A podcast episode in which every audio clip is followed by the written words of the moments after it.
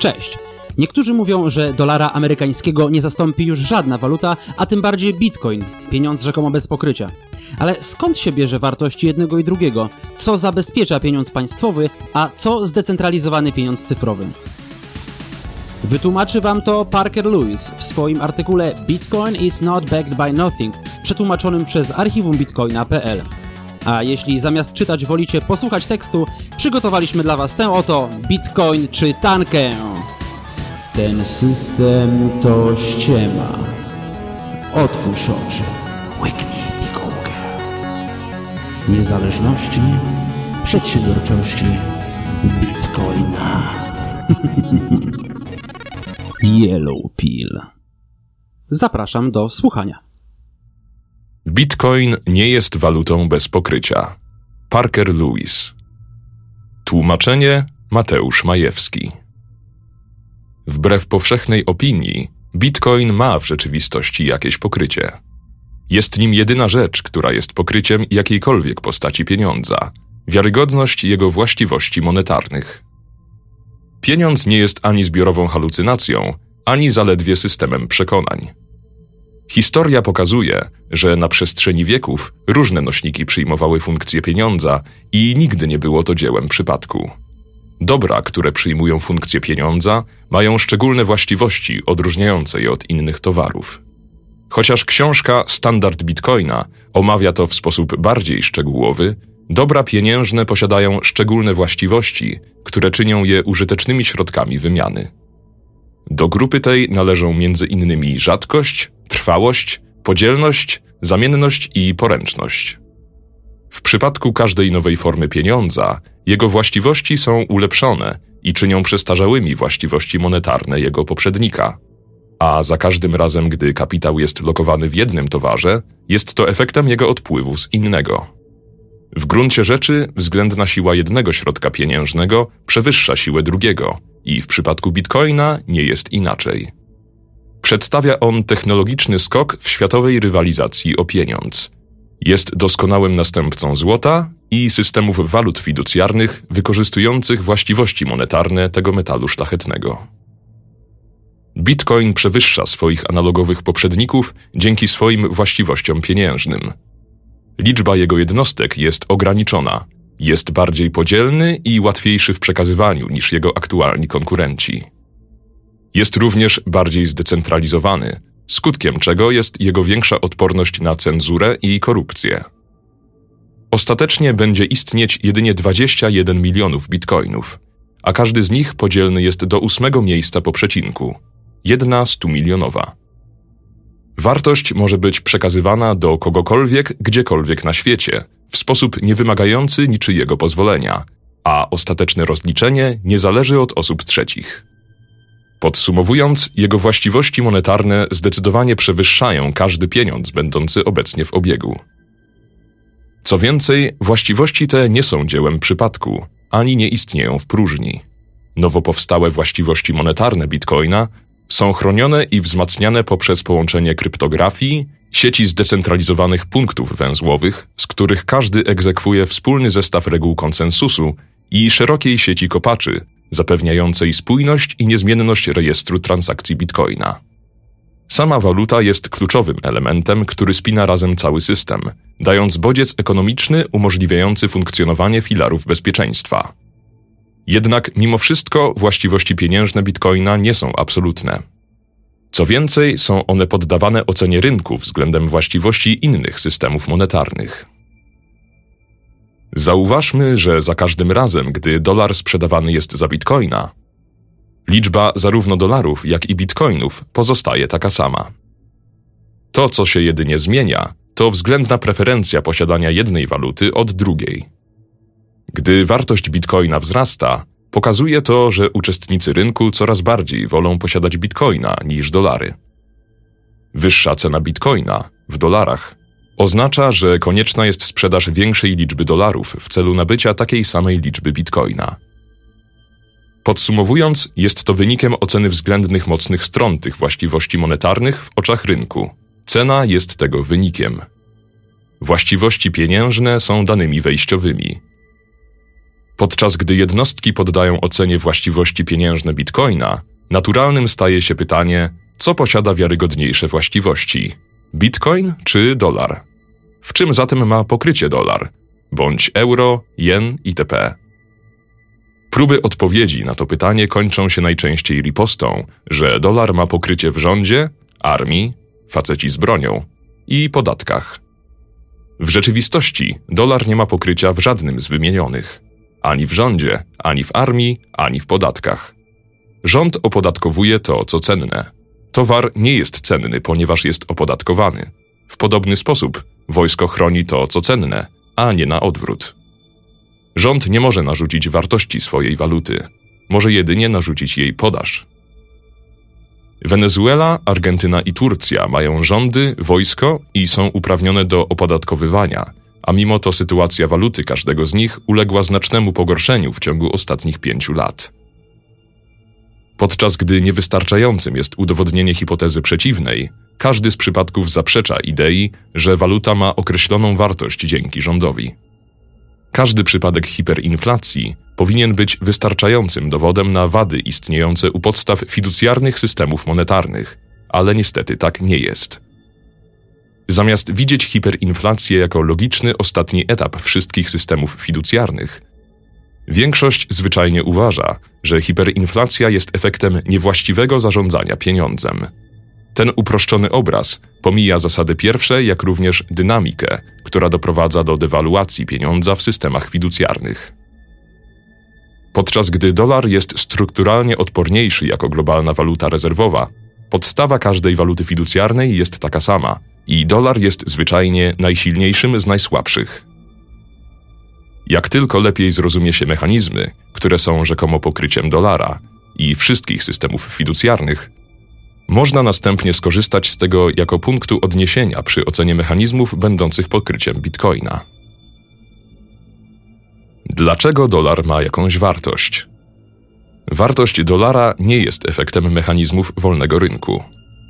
Zamiast tego została stworzona jako częściowe zastępstwo złota i początkowo również srebra. Zasadniczo dolar był rozwiązaniem problemu nieodłącznych ograniczeń w wymienialności i zbywalności złota. Jego powstanie było bardziej uzależnione od właściwości pieniężnych tych metali niż samego dolara. Był to również początkowo system oparty na zaufaniu. Akceptuj dolary i ufaj, że w przyszłości będziesz je mógł wymienić z powrotem na złoto po z góry ustalonym kursie.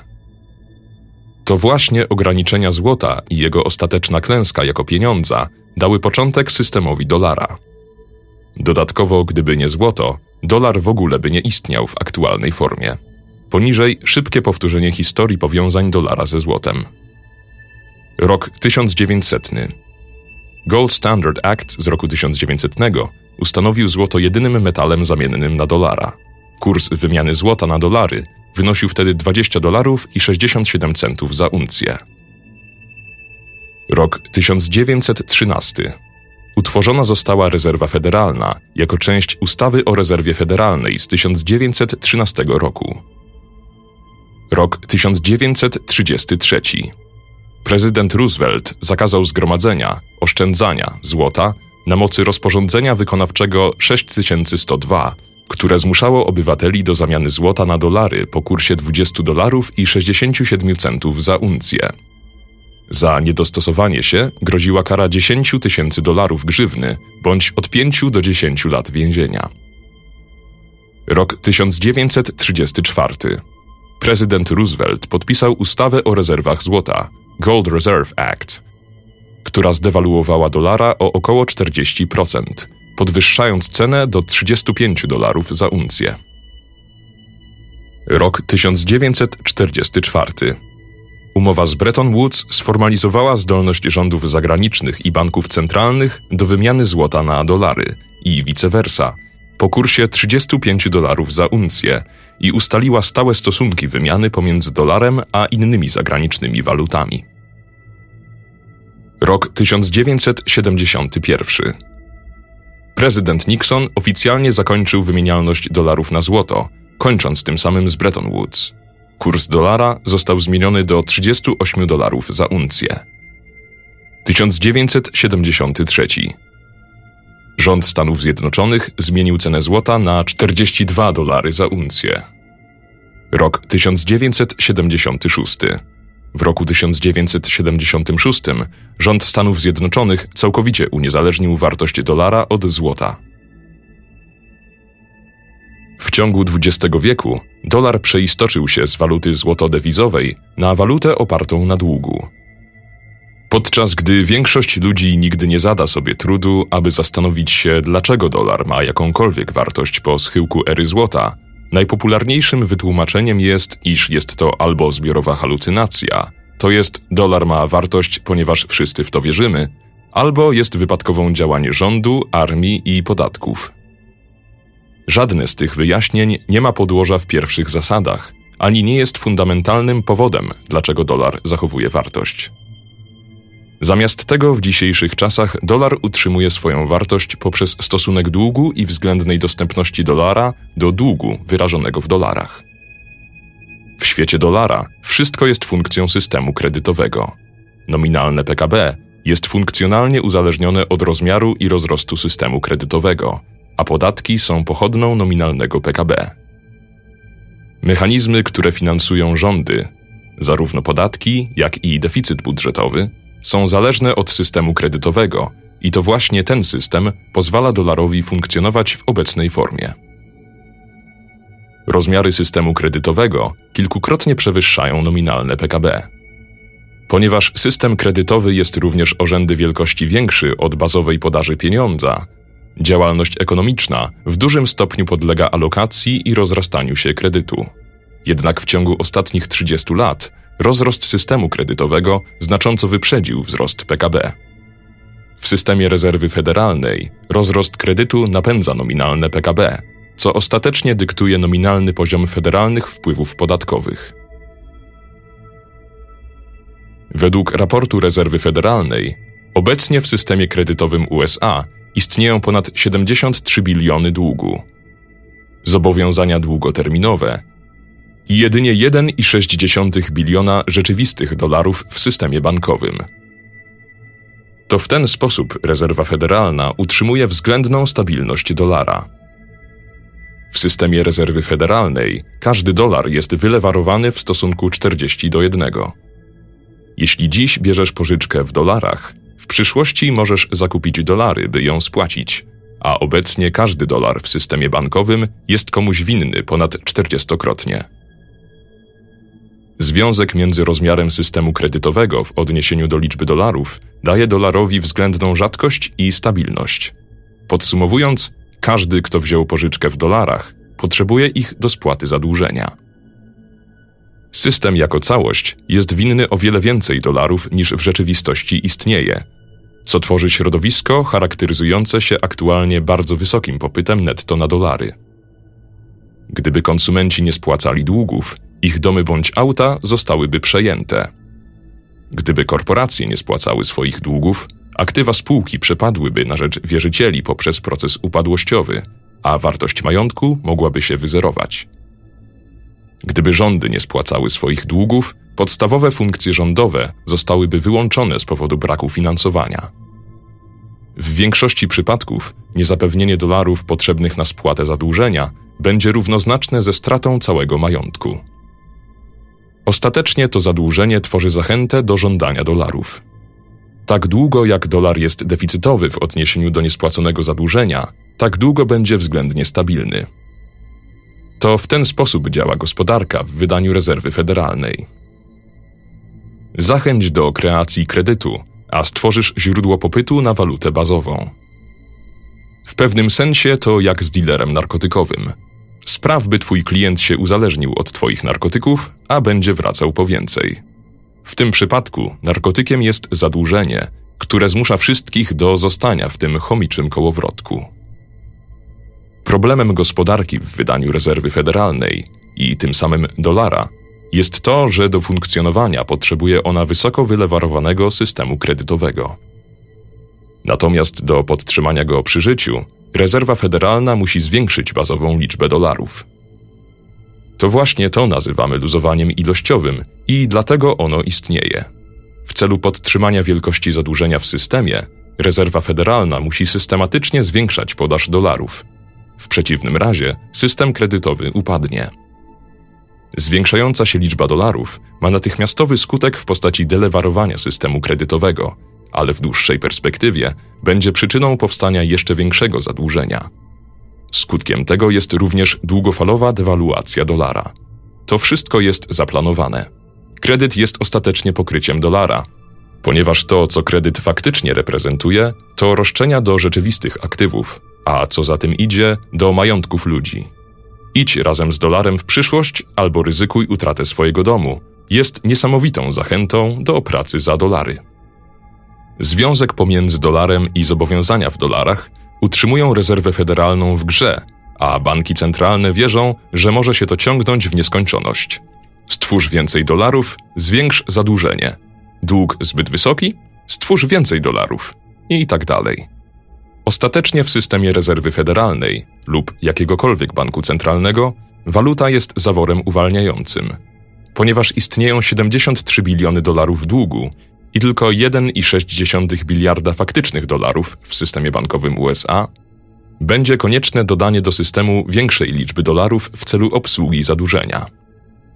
Rzadkość dolara w odniesieniu do popytu na niego jest tym, co zapewnia mu jego wartość. Nic dodać, nic ująć. Dolar nie ma pokrycia w niczym więcej. I przez to, że dynamika systemu kredytowego kreuje względny deficyt dolara, gwarantuje ona również, że liczba dolarów będzie stale się zwiększać. Jak w przypadku wszystkich aktywów pieniężnych, rzadkość jest właściwością będącą pokryciem dla dolara. Ale jest on rzadki tylko w odniesieniu do wielkości istniejącego zadłużenia denominowanego w dolarach. A teraz ma dodatkowo prawdziwego przeciwnika w postaci bitcoina. System dolara i jego brak wrodzonych właściwości monetarnych stoją w wyraźnym kontraście do właściwości pojawiających się i zaprogramowanych w bitcoinie. Rzadkość dolara jest względna, rzadkość bitcoina jest absolutna. System dolara opiera się na zaufaniu, w bitcoinie nie. Podaż dolara regulowana jest przez bank centralny, podczas gdy podaż bitcoina regulowana jest przez porozumienie uczestników rynku. Podaż dolara będzie zawsze sprzężona z rozmiarem systemu kredytowego, podczas gdy podaż bitcoina jest zupełnie niezależna od funkcji kredytu. Co więcej, koszt produkcji dolara to w przybliżeniu zero, gdy z drugiej strony koszt produkcji bitcoina jest namacalny i coraz wyższy. Koniec końców, właściwości monetarne bitcoina są nowo powstałe i coraz trudniejsze do manipulacji, podczas gdy dolar jest z natury i coraz bardziej manipulowalny. Pieniądze i rzadkość cyfrowa. Najtrudniejszą przeszkodą, którą trzeba przeskoczyć przy procesie ewaluacji bitcoina jako pieniądza, jest często to, że jest to waluta cyfrowa. Bitcoin nie jest namacalny i z pozoru nie jest to intuicyjne. Jak coś całkowicie cyfrowego może być pieniądzem, podczas gdy dolar jest w większości cyfrowy, dla większości osób pozostaje o wiele bardziej namacalny niż bitcoin. Podczas gdy dolar cyfrowy wywodzi się od swojego papierowego przodka i dodatkowo fizycznie dolary wciąż są w obiegu, bitcoin jest natywnie cyfrowy. W przypadku dolara dostępne jest jego fizyczne ucieleśnienie, które zakotwicza nasze modele umysłowe w świecie rzeczywistym. W przypadku bitcoina nie. Podczas gdy bitcoin ma o wiele wiarygodniejsze właściwości monetarne niż dolar, to dolar od zawsze był widziany jako pieniądz dla większości z nas. I w konsekwencji zdawałoby się, że jego cyfrowa reprezentacja jest bardziej intuicyjnym rozszerzeniem go ze sfery fizycznej do świata wirtualnego. Ponieważ u podstawy dolara leży jego zakotwiczenie w czasie i jego cyfrowy charakter może wydawać się bardziej namacalny, bitcoin reprezentuje rzadkość określoną. Z kolei podaż dolara nie ma granic. Pamiętajmy, że dolar nie ma żadnych wrodzonych właściwości monetarnych. W swojej drodze do waluty rezerwowej wykorzystał właściwości monetarne złota, ale sam w sobie nie ma żadnych wyjątkowych właściwości, które ugruntowałyby dolara jako stabilną postać pieniądza, poza względną rzadkością w ramach konstruktu, jakim jest powiązany kredytowo system walutowy. Oceniając bitcoina, Pierwszą kluczową kwestią do rozważenia jest to, czy coś cyfrowego jest w stanie posiadać fundamentalne właściwości, które uczyniły złoto miernikiem wartości i rodzajem pieniądza. Czy złoto stało się pieniądzem, ponieważ miało formę fizyczną, czy dlatego, że posiadało właściwości transcendentne poza aspektem fizycznym? Spośród wszystkich obiektów fizycznych, dlaczego złoto? Złoto przyjęło funkcję pieniądza nie dlatego, że jest fizyczne, ale dlatego, że jego właściwości w ujęciu zbiorczym były wyjątkowe. Co najważniejsze, złoto jest rzadkie, zamienne i bardzo trwałe. Ponieważ złoto posiadało wiele właściwości, które uczyniły je lepszym od jakiegokolwiek poprzedniego rodzaju pieniądza, jego największą wadą była trudność w transporcie i podatność na centralizację, co ostatecznie doprowadziło do powstania dolara jako jego transakcyjnego odpowiednika. Jako eksperyment myślowy, wyobraź sobie metal nieszlachetny, tak samo rzadki jak złoto, ale z następującymi właściwościami: koloru nudnej szarości, niezbyt dobrze przewodzący prąd, nieszczególnie trwały, ale też nieplastyczny, niezbyt użyteczny ze względów praktycznych bądź dekoracyjnych, ale mający jedną magiczną właściwość. Można go przesłać kanałami komunikacyjnymi. Satoshi Nakamoto, 27 sierpnia 2010 Bitcoin ma te same właściwości, które uczyniły złoto środkiem pieniężnym, ale poprawia również jego niedoskonałości. Podczas gdy złoto jest stosunkowo rzadkie, Bitcoin jest skończenie rzadki i oba są niezwykle trwałe. Złoto jest zamienne i trudne do zweryfikowania. Bitcoin jest zamienny i łatwy do zweryfikowania. Złoto jest wysoce scentralizowane i trudne w przekazywaniu. Bitcoin jest wysoce zdecentralizowany i łatwy w przekazywaniu. Zasadniczo Bitcoin posiada atrakcyjne cechy zarówno fizycznego złota, jak i cyfrowego dolara, jednocześnie nie mając krytycznych wad żadnego z nich. Przy ocenianiu środków pieniężnych pierwsze zasady są fundamentalne. Zignoruj wniosek czy punkt końcowy i zacznij od następującego pytania. Jeżeli bitcoin by był rzadki i skończony, nie biorąc pod uwagę tego, że jest cyfrowy, to czy mógłby być skuteczną miarą wartości i ostatecznie miernikiem wartości? Czy rzadkość jest wystarczająco silną właściwością, dzięki której bitcoin mógłby stać się pieniądzem, niezależnie od tego, czy postać tej rzadkości jest cyfrowa? Chociaż pieniądz może być pojęciem niematerialnym, tak długo jak istnieją korzyści z handlu i specjalizacji, pieniądz będzie pożądany i użyteczny. Pieniądze są tym narzędziem, którego używamy jako arbitra przy ustalaniu względnej wartości wśród liczniejszych dóbr konsumpcyjnych i inwestycyjnych. Są one dobrem, które koordynuje całą resztę aktywności ekonomicznej. Bezwzględna ilość pieniądza jest mniej warta niż jego rzadkość i wymierność. Rzadkość jest najważniejszą właściwością pieniądza. Jeżeli podaż jednostki miary zmieniałaby się ciągle i w sposób nieprzewidywalny, bardzo trudno byłoby określić wartość dóbr w odniesieniu do niej, i dlatego właśnie rzadkość sama w sobie jest bardzo wartościową właściwością. Podczas gdy wartość podlegającej jednostki miary może ulegać wahaniom względem dóbr i usług, stabilność podaży pieniądza skutkuje możliwie małą liczbą zakłóceń we względnym sygnale cenowym innych dóbr. Mimo bycia cyfrowym, Bitcoin jest zaprojektowany tak, aby zapewnić rzadkość absolutną, by zostać tak efektywną formą pieniądza i miarą wartości. Będzie istnieć jedynie 21 milionów bitcoinów, i jest to liczba przerażająco mała w wartościach zarówno względnych i bezwzględnych. Tylko w zeszłym tygodniu rezerwa federalna jednym kliknięciem stworzyła 100 miliardów dolarów. To daje około 5 tysięcy dolarów na każdego bitcoina, który będzie kiedykolwiek istnieć, stworzonych w tydzień i tylko przez jeden bank centralny. By przedstawić szerszy kontekst, od ostatniego kryzysu finansowego Rezerwa Federalna, Bank Japonii i Europejski Bank Centralny stworzyły w sumie pieniądze o wartości 10 bilionów dolarów, co jest odpowiednikiem 500 tysięcy dolarów za bitcoina. Mimo faktu, że zarówno dolar, euro, jen, jak i bitcoin są walutami cyfrowymi, to jedynie bitcoin jest środkiem, który jest namacalnie rzadki i jedyny z wrodzonymi właściwościami monetarnymi. Jednakże niewystarczającym jest stwierdzenie, że bitcoin jest skończenie rzadki. Nikt nie powinien też zwyczajnie brać tego za pewnik. istotne jest zrozumienie, jak i dlaczego tak się dzieje. Dlaczego nie może istnieć więcej niż 21 milionów bitcoinów i dlaczego nie da się ich skopiować? Dlaczego bitcoin jest zabezpieczony i nie da się nim manipulować? Chociaż istnieje ogromna ilość cegiełek wspólnie umożliwiających funkcjonowanie bitcoina z wiarygodnie określoną podażą, istnieją trzy kluczowe filary bezpieczeństwa w ramach sieci bitcoina, które są splecione i wzmocnione przez zachętę ekonomiczną samej waluty. Konsensus sieci i pełne węzły egzekwują wspólny zestaw obowiązujących reguł.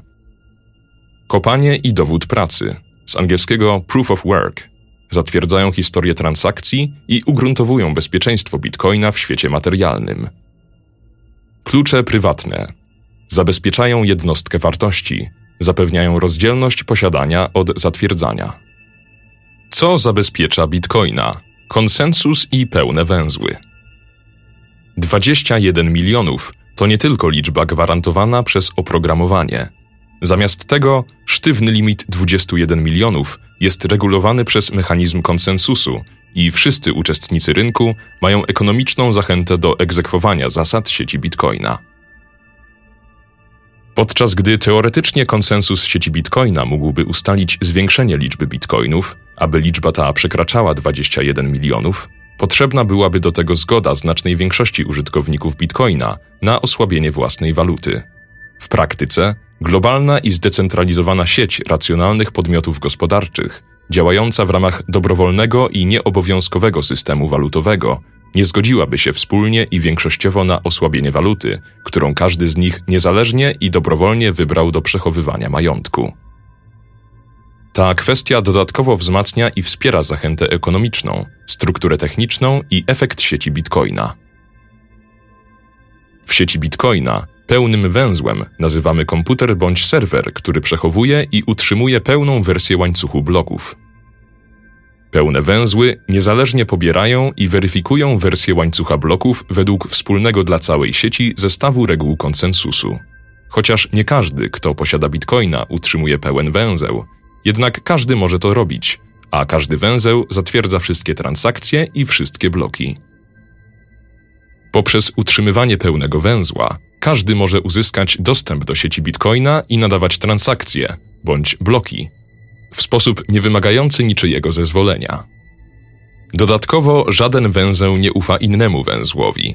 Zamiast tego każdy węzeł niezależnie weryfikuje pełną historię transakcji bitcoina w oparciu o wspólny zestaw reguł, co pozwala sieci zgodzić się co do jednolitej i dokładnej wersji tej historii w sposób niewymagający zaufania. To właśnie taki mechanizm pozwala sieci Bitcoina na wyrzucenie z równania zaufania do jakiejkolwiek scentralizowanej strony trzeciej i umacnia wiarygodność ustalonej podaży. Wszystkie węzły podtrzymują historię wszystkich transakcji, co pozwala określić każdemu z nich, czy jakakolwiek transakcja w przyszłości będzie ważna. Ogółem rzecz biorąc, Bitcoin to najlepiej zabezpieczona sieć komputerowa na świecie ponieważ każdy może mieć do niej dostęp i nikt nie musi nikomu ufać. Sieć jest zdecentralizowana i nie ma konkretnych punktów mogących wywołać jej awarię. Każdy węzeł kontroluje równowagę reszty sieci i bez głównego źródła prawdy sieć jest odporna na ataki i korupcję. Którykolwiek z węzłów mógłby zostać uszkodzony, co nie wpłynęłoby na funkcjonowanie sieci. Im więcej węzłów będzie istnieć, tym bardziej zdecentralizowany stanie się Bitcoin, co zwiększy redundancję, czyniąc sieć coraz trudniejszą do skorumpowania lub ocenzurowania. Każdy pełny węzeł egzekwuje zasady konsensusu całej sieci, którego kluczowym elementem jest ustalona podaż waluty. Każdy blok zawiera w sobie informacje o predefiniowanej liczbie bitcoinów do wyemitowania, a każda zawarta w nim transakcja aby została uznana za ważną, musi pochodzić z uprzednio zatwierdzonego bloku.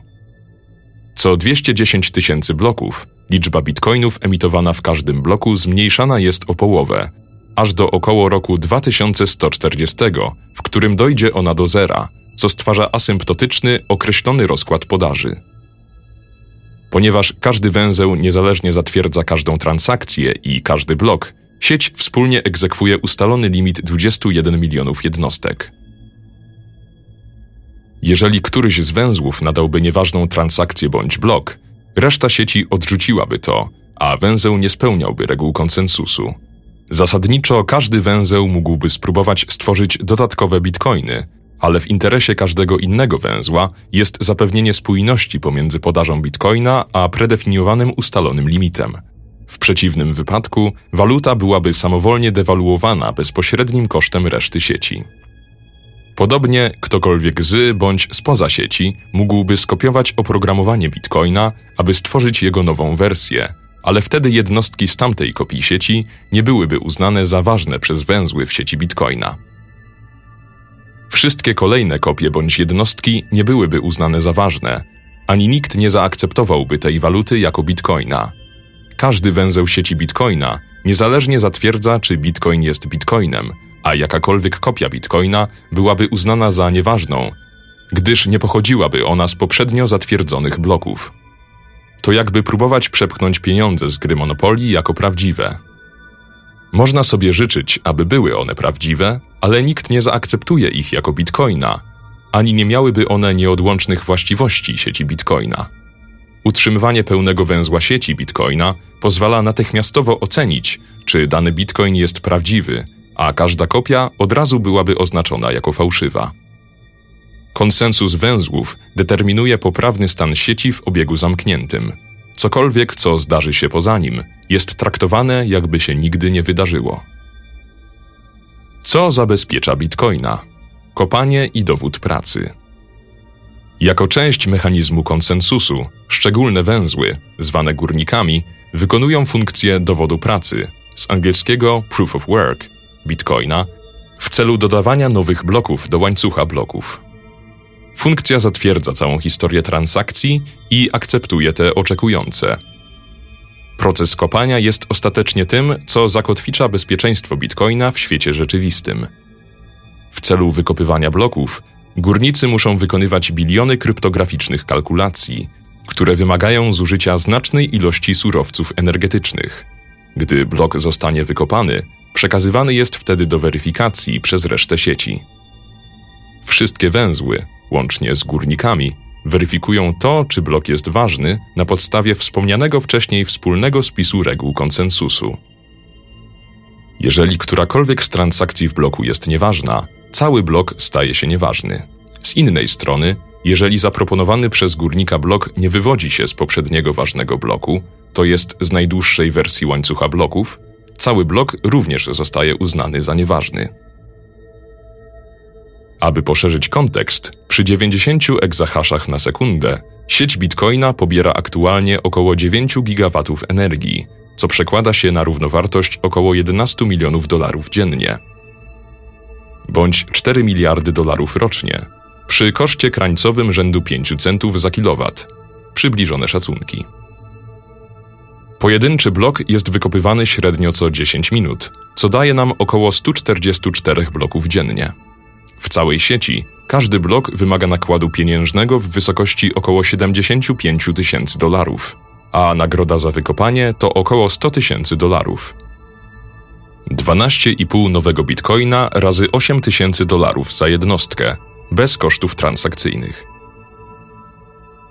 Im więcej kosztuje wykopanie bloku, tym bardziej kosztowny jest atak na sieć bitcoina. Koszt wykopania bloku przedstawia namacalne surowce, które potrzebne są do zapisania historii w rejestrze transakcji bitcoina. Wraz z rozrostem sieci będzie stawała się ona bardziej fragmentaryczna, a wartość ekonomiczna wypłacana górnikom będzie się zwiększać. Z perspektywy teorii gry, bardziej zacięta konkurencja i wyższy koszt alternatywny czynią bitcoina trudniejszym do zmanipulowania poprzez zmowę, a wszystkie węzły sieci zatwierdzają pracę wykonaną przez górników, co stanowi stały mechanizm utrzymywania równowagi. I przypomnijmy o tym, że predefiniowana liczba bitcoinów emitowana jest z każdym blokiem, to jest do czasu, aż dojdziemy do limitu 21 milionów jednostek. Bitcoiny emitowane z każdym blokiem, w połączeniu z opłatami za transakcje sieciowe, stanowią rekompensatę dla górników za wykonywanie funkcji dowodu pracy. Górnicy są opłacani w bitcoinach za dbanie o bezpieczeństwo sieci. Jako część procesu wykopywania i przedstawiania bloku reszcie sieci, Górnicy włączają informacje o predefiniowanej liczbie bitcoinów do wyemitowania jako rekompensatę za zużycie namacalnych, rzeczywistych surowców w celu zabezpieczenia sieci. Jeżeli górnik zażądałby liczby bitcoinów niezgodnej z ustalonym rozkładem podaży, reszta sieci uznałaby blok za nieważny. Jako część funkcji bezpieczeństwa, górnicy muszą weryfikować i egzekwować ustaloną podaż waluty, aby mogli zostać wynagrodzeni. Górnicy ryzykują własną skórą w postaci kosztów wstępnych i wydatku energii, przy czym praca uznana za nieważną nie jest nagradzana. Na przykład ważna nagroda dla górników jest zmniejszana o połowę co 210 tysięcy bloków, przy czym następne przepołowienie jest zaplanowane na blok numer 630 tysięcy. W czasie i na wysokości wyznaczonego bloku, w którym dojdzie do halveningu, nagroda za wykopanie bloku zostanie zmniejszona z 12,5 bitcoina do 6,4 bitcoina. Po tym czasie, jeżeli którykolwiek z górników załączy do bloku nieprawidłowe żądanie nagrody, liczbę inną niż 6,4 bitcoina, reszta sieci potraktuje ten blok jako nieważny. Zjawisko przepołowienia jest ważne nie tylko dlatego, że podaż nowych bitcoinów jest redukowana, ale również dlatego, że demonstruje, iż zachęty ekonomiczne sieci skutecznie koordynują i egzekwują ustaloną podaż w sposób całkowicie zdecentralizowany. Jeżeli którykolwiek z górników spróbuje oszukiwać, będzie surowo ukarany przez resztę sieci. Takie zachowanie jest wyłącznie efektem zachęty ekonomicznej. To, że dzieje się w sposób zdecentralizowany, bez koordynacji żadnego organu centralnego, wzmacnia bezpieczeństwo sieci. Ponieważ kopanie jest zdecentralizowane i ponieważ wszyscy górnicy nieustannie ze sobą konkurują, ich zmowa nie jest pożądana z praktycznego punktu widzenia. Z innej strony, wszystkie węzły zatwierdzają pracę górników, robiąc to natychmiast i prawie bez żadnego kosztu, co tworzy bardzo silny mechanizm zachowania równowagi, który jest niezależny od funkcji samego kopania. Wykopanie bloku jest zadaniem kosztownym, a jego zatwierdzenie jest niemal darmowe. Ogółem rzecz biorąc, jest to fundamentalnym wyróżnikiem pomiędzy bitcoinem a systemami monetarnymi, z którymi bitcoin konkuruje, takimi jak złoto czy dolar. Wynagrodzenie płacone górnikom za zabezpieczanie sieci i egzekwowanie ustalonej podaży jest realizowane wyłącznie w postaci bitcoinów. Ekonomiczna zachęta systemu waluty, wynagrodzenie, jest tak silna, a kara jest zarówno tak surowa i łatwa w wymierzeniu, co powoduje, że górnicy mają wszystkie powody, by współpracować i wykonywać poprawną pracę. Poprzez wprowadzenie namacalnego kosztu procesu kopania, włączenie rozkładu podaży do procesu zatwierdzania, robią to wszystkie węzły, i poprzez rozłączenie funkcji kopania od posiadania, sieć jako całość egzekwuje ustalony limit jednostek 21 milionów w sposób rzetelny i nieprzerwany w oparciu o system niewymagający zaufania. Jednocześnie będąc w stanie dojść do porozumienia w sposób zdecentralizowany. Co zabezpiecza bitcoina? Klucze prywatne i równe prawa. Podczas gdy górnicy kopią bloki, wykonują obliczenia i przedstawiają wyniki reszcie sieci, a węzły sprawdzają i zatwierdzają ich pracę, to klucze prywatne kontrolują dostęp do samej waluty. Klucze prywatne kontrolują prawa do 21 milionów bitcoinów. Tak naprawdę to tylko 18 milionów zostało do tej pory wydobytych. W bitcoinie nie ma nazwisk. Bitcoin nie wie nic o świecie zewnętrznym. Sieć bitcoina jedynie zatwierdza sygnatury i klucze. To wszystko. Tylko ktoś będący w posiadaniu klucza prywatnego może nadać ważną transakcję i podpisać ją w prawidłowy sposób. Prawidłowe transakcje włączane są do bloków, które są wykopywane przez górników i zatwierdzane przez węzły, ale tylko osoby będące w posiadaniu prywatnego klucza są w stanie nadać transakcję. Kiedy nadawana jest prawidłowa transakcja, bitcoiny są wydawane czy transferowane do konkretnego publicznego adresu bitcoina. Adresy publiczne są pochodnymi kluczy publicznych, które dalej są pochodnymi kluczy prywatnych. Klucze i adresy publiczne mogą być wyznaczone z klucza prywatnego, ale klucz prywatny nie może być wyznaczony ani z klucza, ani z adresu publicznego. To funkcja jednokierunkowa, chroniona silną kryptografią. Klucze i adresy publiczne mogą być przesyłane bez ryzyka ujawnienia jakichkolwiek informacji o kluczach prywatnych. Kiedy bitcoin przesyłany jest do adresu publicznego, zasadniczo zamykany jest w sejfie. Aby ponownie ten sejf otworzyć i móc przesłać bitcoina dalej, potrzebny jest do tego prawidłowy podpis pochodzący od odpowiadającego klucza prywatnego. Każdy klucz i adres publiczny ma unikatowy klucz prywatny. Właściciel klucza prywatnego wytwarza unikatowy podpis, bez jednoczesnego ujawniania samego sekretu. Reszta sieci może zweryfikować, że posiadacz klucza prywatnego wytworzył prawidłowy podpis, bez wiedzy ani szczegółów o samym kluczu prywatnym. Pary kluczy publicznych i prywatnych są podwaliną bitcoina. I ostatecznie klucze prywatne są tym, co kontroluje dostęp do wartości ekonomicznej całej tej sieci. Nie ma znaczenia, czy ktoś ma jedną dziesiątą bitcoina, czy 10 tysięcy bitcoinów. Obie ilości chronione są i zatwierdzane przez te same mechanizmy i przez te same zasady. Wszyscy mają równe prawa. Niezależnie od wartości ekonomicznej, każdy bitcoin i adres bitcoina są traktowane przez sieć w sposób identyczny. Jeżeli zostanie stworzony prawidłowy podpis, transakcja będzie ważna i zostanie dodana do łańcuchu bloków jeżeli tylko zostanie uiszczona opłata transakcyjna. Jeżeli podpis będzie nieprawidłowy, sieć odrzuci transakcję jako nieważną. Nie ma znaczenia, jak silny bądź słaby jest konkretny użytkownik. Bitcoin jest apolityczny. Jedyne, co zatwierdza, to klucze i podpisy. Ktoś z większą liczbą bitcoinów może zapłacić wyższą opłatę w celu podwyższenia priorytetu swojej transakcji. Jednak wszystkie transakcje są zatwierdzane w oparciu o zestaw tych samych reguł konsensusu. Górnicy priorytetyzują transakcje bazując na wartości i opłacalności, niczym innym.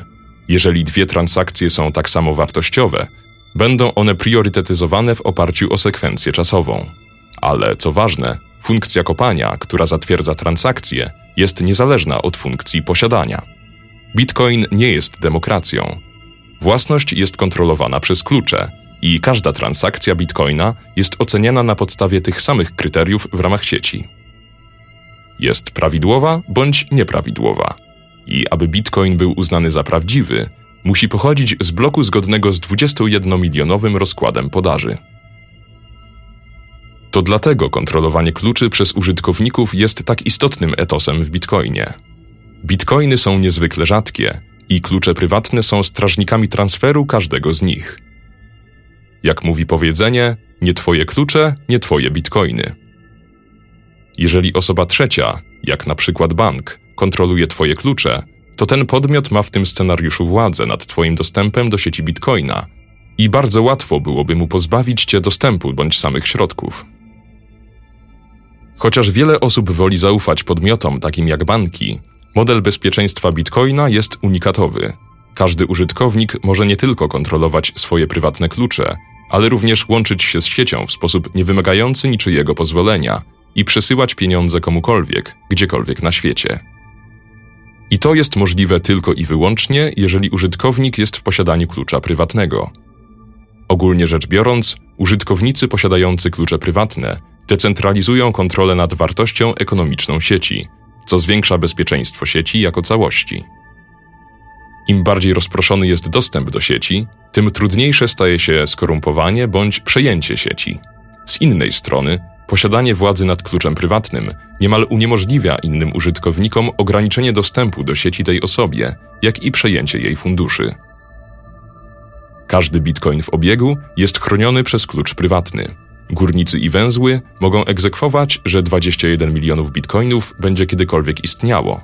Ale prawdziwe z nich, które istnieją, są ostatecznie kontrolowane i zabezpieczane przez klucze prywatne. Bitcoin kontra. Podsumowując, podaż bitcoina jest regulowana przez mechanizm konsensusu sieci, a górnicy wykonują funkcję dowodu pracy, która zakotwicza bezpieczeństwo bitcoina w świecie materialnym. Jako część funkcji bezpieczeństwa, górnicy dostają bitcoiny za wykopywanie bloków, które zatwierdzają historię transakcji, jak i transakcje oczekujące. Jeżeli górnik spróbuje wynagrodzić się liczbą bitcoinów niezgodną z ustaloną podażą, reszta sieci uzna wykonaną przez niego pracę za nieważną. Podaż waluty jest częścią modelu bezpieczeństwa bitcoina, a żeby górnicy dostali wynagrodzenie, muszą zużyć rzeczywiste surowce energetyczne. Co więcej, każdy węzeł sieci zatwierdza pracę wykonaną przez wszystkich górników w sposób, który nie pozwala uniknąć materialnej kary za próbę oszustwa. Mechanizm konsensusu bitcoina i proces zatwierdzania ostatecznie regulują transfer własności w ramach sieci, ale posiadanie bitcoinów jest kontrolowane i zabezpieczane przez osobiste klucze prywatne, będące w posiadaniu użytkowników sieci. Odstawmy na bok uprzedzenia na temat tego, czym są pieniądze i wyobraźmy sobie system walutowy mający egzekwowalnie rzadką i określoną podaż. Każdy może się podłączyć do sieci w sposób niewymagający niczyjego pozwolenia i każdy może nadawać transakcje do kogokolwiek, gdziekolwiek na świecie. Każdy może niezależnie i łatwo zweryfikować podaż, jak i czyjeś prawo do waluty. Wyobraźmy sobie globalną gospodarkę, w której miliardy ludzi rozsianych po świecie może załatwiać interesy w ramach wspólnej, zdecentralizowanej sieci.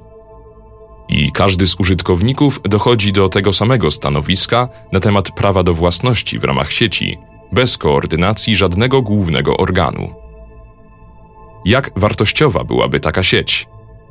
Bitcoin jest wartościowy, ponieważ jego liczba jest ograniczona, i jego liczba ograniczona, ponieważ jest wartościowy. Modele zachęty ekonomicznej i zarządzania sieci wzmacniają się wzajemnie. Skutkiem łącznym jest zdecentralizowany system monetarny o globalnym zasięgu, ustalonej podaży i niewymagający niczyjego zaufania, do którego dostęp może mieć każdy człowiek. Ponieważ Bitcoin ma wrodzone i wschodzące właściwości monetarne, jest odmienny od wszystkich innych rodzajów cyfrowego pieniądza. Podczas gdy podaż bitcoina pozostaje stała i ograniczona, banki centralne będą zmuszone zwiększyć bazę monetarną, by podtrzymać istniejący system. Bitcoin będzie stawać się coraz bardziej atrakcyjnym wyborem, gdy więcej użytkowników zrozumie, że kolejne rundy luzowania ilościowego nie są jedynie narzędziem banku centralnego, a czymś koniecznym do podtrzymania tej alternatywnej i podrzędnej opcji. Przed Bitcoinem każdy był domyślnie zmuszony być częścią tego systemu. Teraz, gdy Bitcoin istnieje, istnieje realna alternatywa. Za każdym razem, gdy rezerwa federalna powraca z kolejnym luzowaniem ilościowym w celu podtrzymania systemu kredytowego, coraz więcej osób odkrywa, że właściwości monetarne bitcoina są zdecydowanie lepsze od właściwości aktualnego systemu, nieważne czy to dolar, euro bądź jen. Czy A jest lepsze od B? To jest właśnie sprawdzian. W światowej rywalizacji o pieniądz, Bitcoin posiada wrodzone właściwości monetarne, których brakuje systemowi fiducjarnemu. Finalnie Bitcoin ma w czymś pokrycie i jest to jedyna rzecz, która jest pokryciem jakiegokolwiek rodzaju pieniądza wiarygodność jego właściwości monetarnych. Czytał Michał Leon Ślużyński dzięki hojności Centrum Kapitalizmu. Jeśli podobało Wam się to nasze polskie Bitcoin Audible, jeśli ten pierwszy odcinek ma mieć swoje kontynuacje, to piszcie koniecznie na tomekmałpa.yellowpill.pl lub wejdźcie na Twittera Yellowpill, szerujcie, lajkujcie i dajcie znać, co o tym myślicie. Komentarze, uwagi mile widziane. A jeśli macie trochę Satoshi, którymi chcielibyście wesprzeć nagrania kolejnych artykułów, m.in. z Unchained Capital, które polecamy, czy Nakamoto Institute, bo warto się kształcić, a nie tylko hodlować, to wejdźcie na yellowpill.pl. Tam w prawym dolnym rogu jest adres Lightning Network, adres portfela Bitcoin, na który możecie przesyłać darowizny. To dzięki Wam i dla Was powstają takie rzeczy. Pozdrawiam wszystkich wolnościowych maksymalistów. Tomek Kołodziejczuk. Dzięki.